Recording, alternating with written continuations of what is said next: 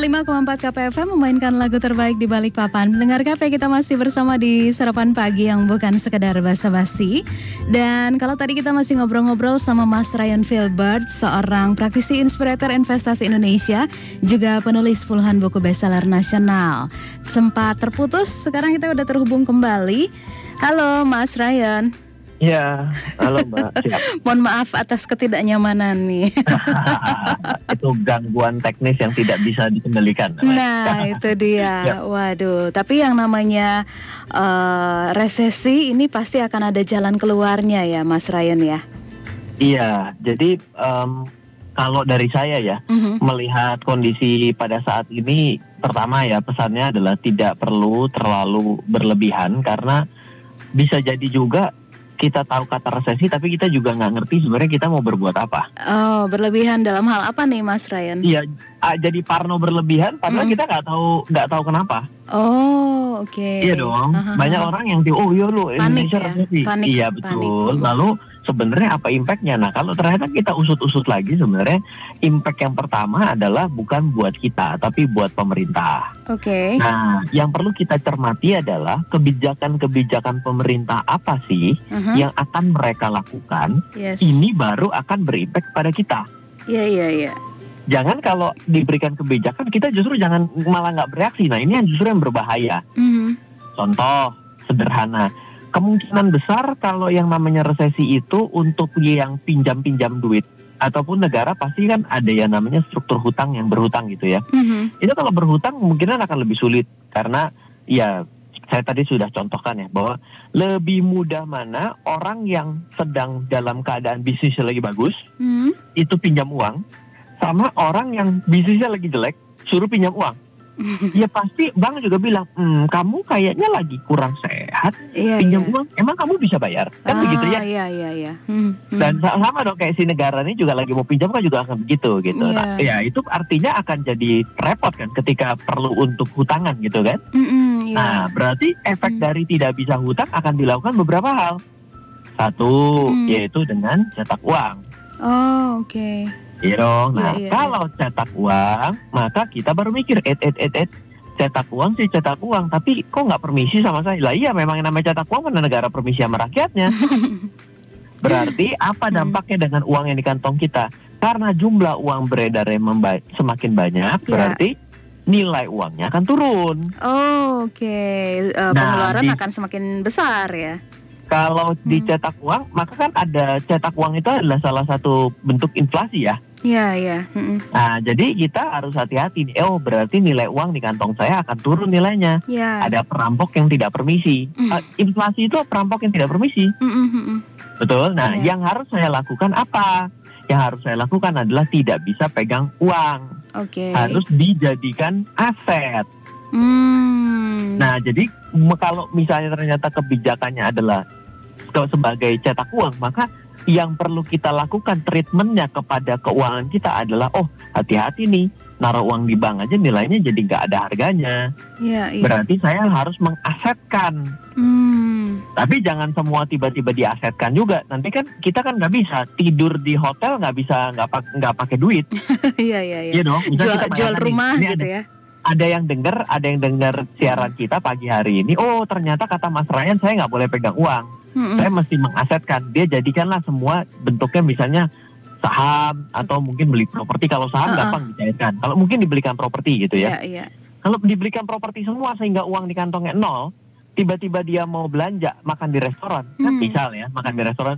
Bisa lah pesan pulang gitu ya. Hmm. halo mbak restoran saya mau mau pesan makanan. Iya bayarnya gimana? Uh, saya orang kaya kok. Saya punya properti.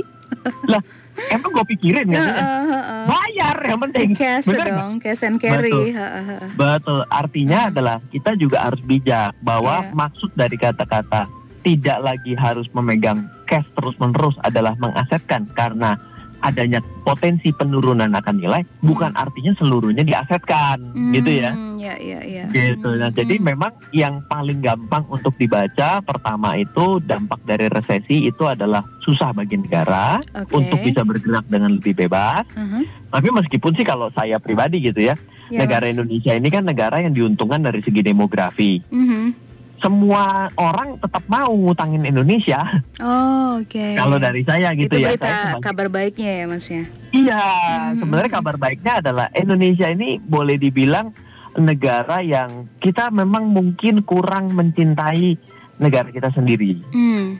Karena apa? Karena kita ini negara yang kaya. Mau mm. kaya apa? Oh, kita kaya ke sumber daya alam. Mm -mm. Kita melimpah SDM-nya secara struktur demografi kita, yes. usia produktif banyak sekali.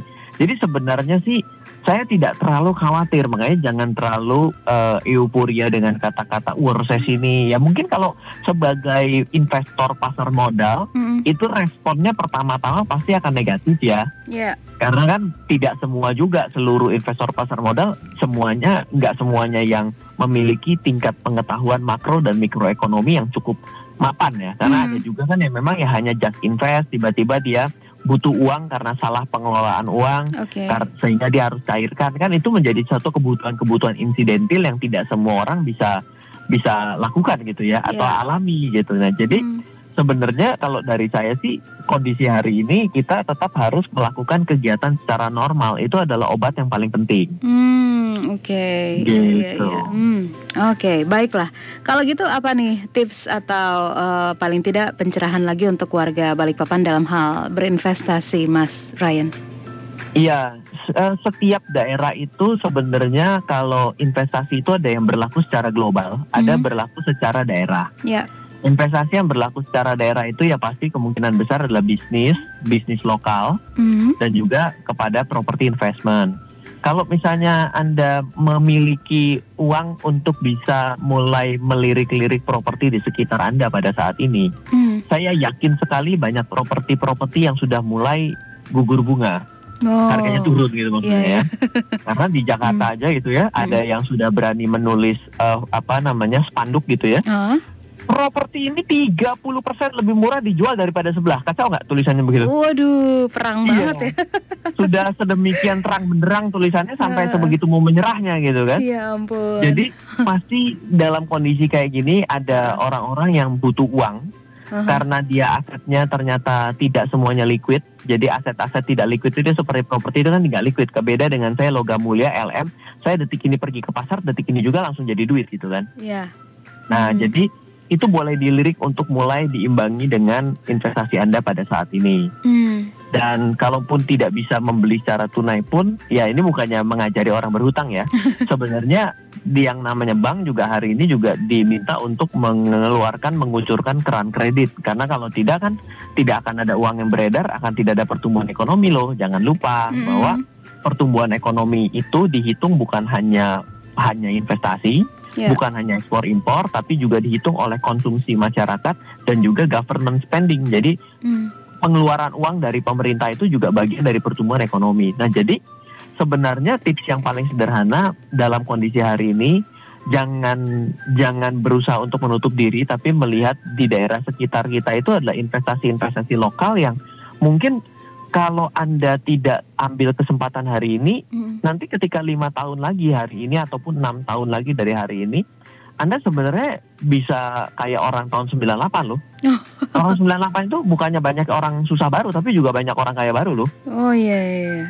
2008 banyak susah baru, banyak juga yang kaya baru. Hmm. Yang mana yang kaya baru? Yang kaya baru itu adalah yang melakukan tindakan di masa-masa sulit itu. Bukan orang yang do nothing. Orang yang do nothing itu akan lewat masanya silahkan cek ombak selanjutnya aja ya kayak Bu Siti Pujian Suti juga nih pakai cek ombak jam ombak ya. silahkan cek ombak selanjutnya ombaknya uh. kapan mana tahu kalau ombak selanjutnya kita kan tidak tahu datangnya dari pandemi uh-huh. datangnya dari krisis industri yes. datangnya dari apa kita nggak pernah tahu di mana wave yang hari ini muncul dengan pandemi ini adalah wave satu abad sekali hmm. ya kan kita 19 yeah. 18 ya kalau nggak salah ya uh-huh. nah itu artinya ya pada saat ini kita bisa melihat investment lokal yeah. ataupun investment nasional ataupun investment skala internasional. Emas hmm. itu kan skala internasional dong. Iya. Yeah. Gitu. Oke, okay, wow, luar biasa. ini uh, waktu kita sangat terbatas, Mas Ryan, yeah. tapi thanks oh. banget untuk yeah, uh, pencerahannya pagi ini. Kita ketemu yeah. lagi di lain waktu ya, Mas Ryan. Yeah. Sukses okay. aktivitasnya, Mas Sama-sama. Ryan. Yuk. Itulah tadi pendengar KP kebersamaan kita bersama Mas Ryan Filbert, seorang praktisi inspirator investasi Indonesia juga penulis puluhan buku bestseller nasional.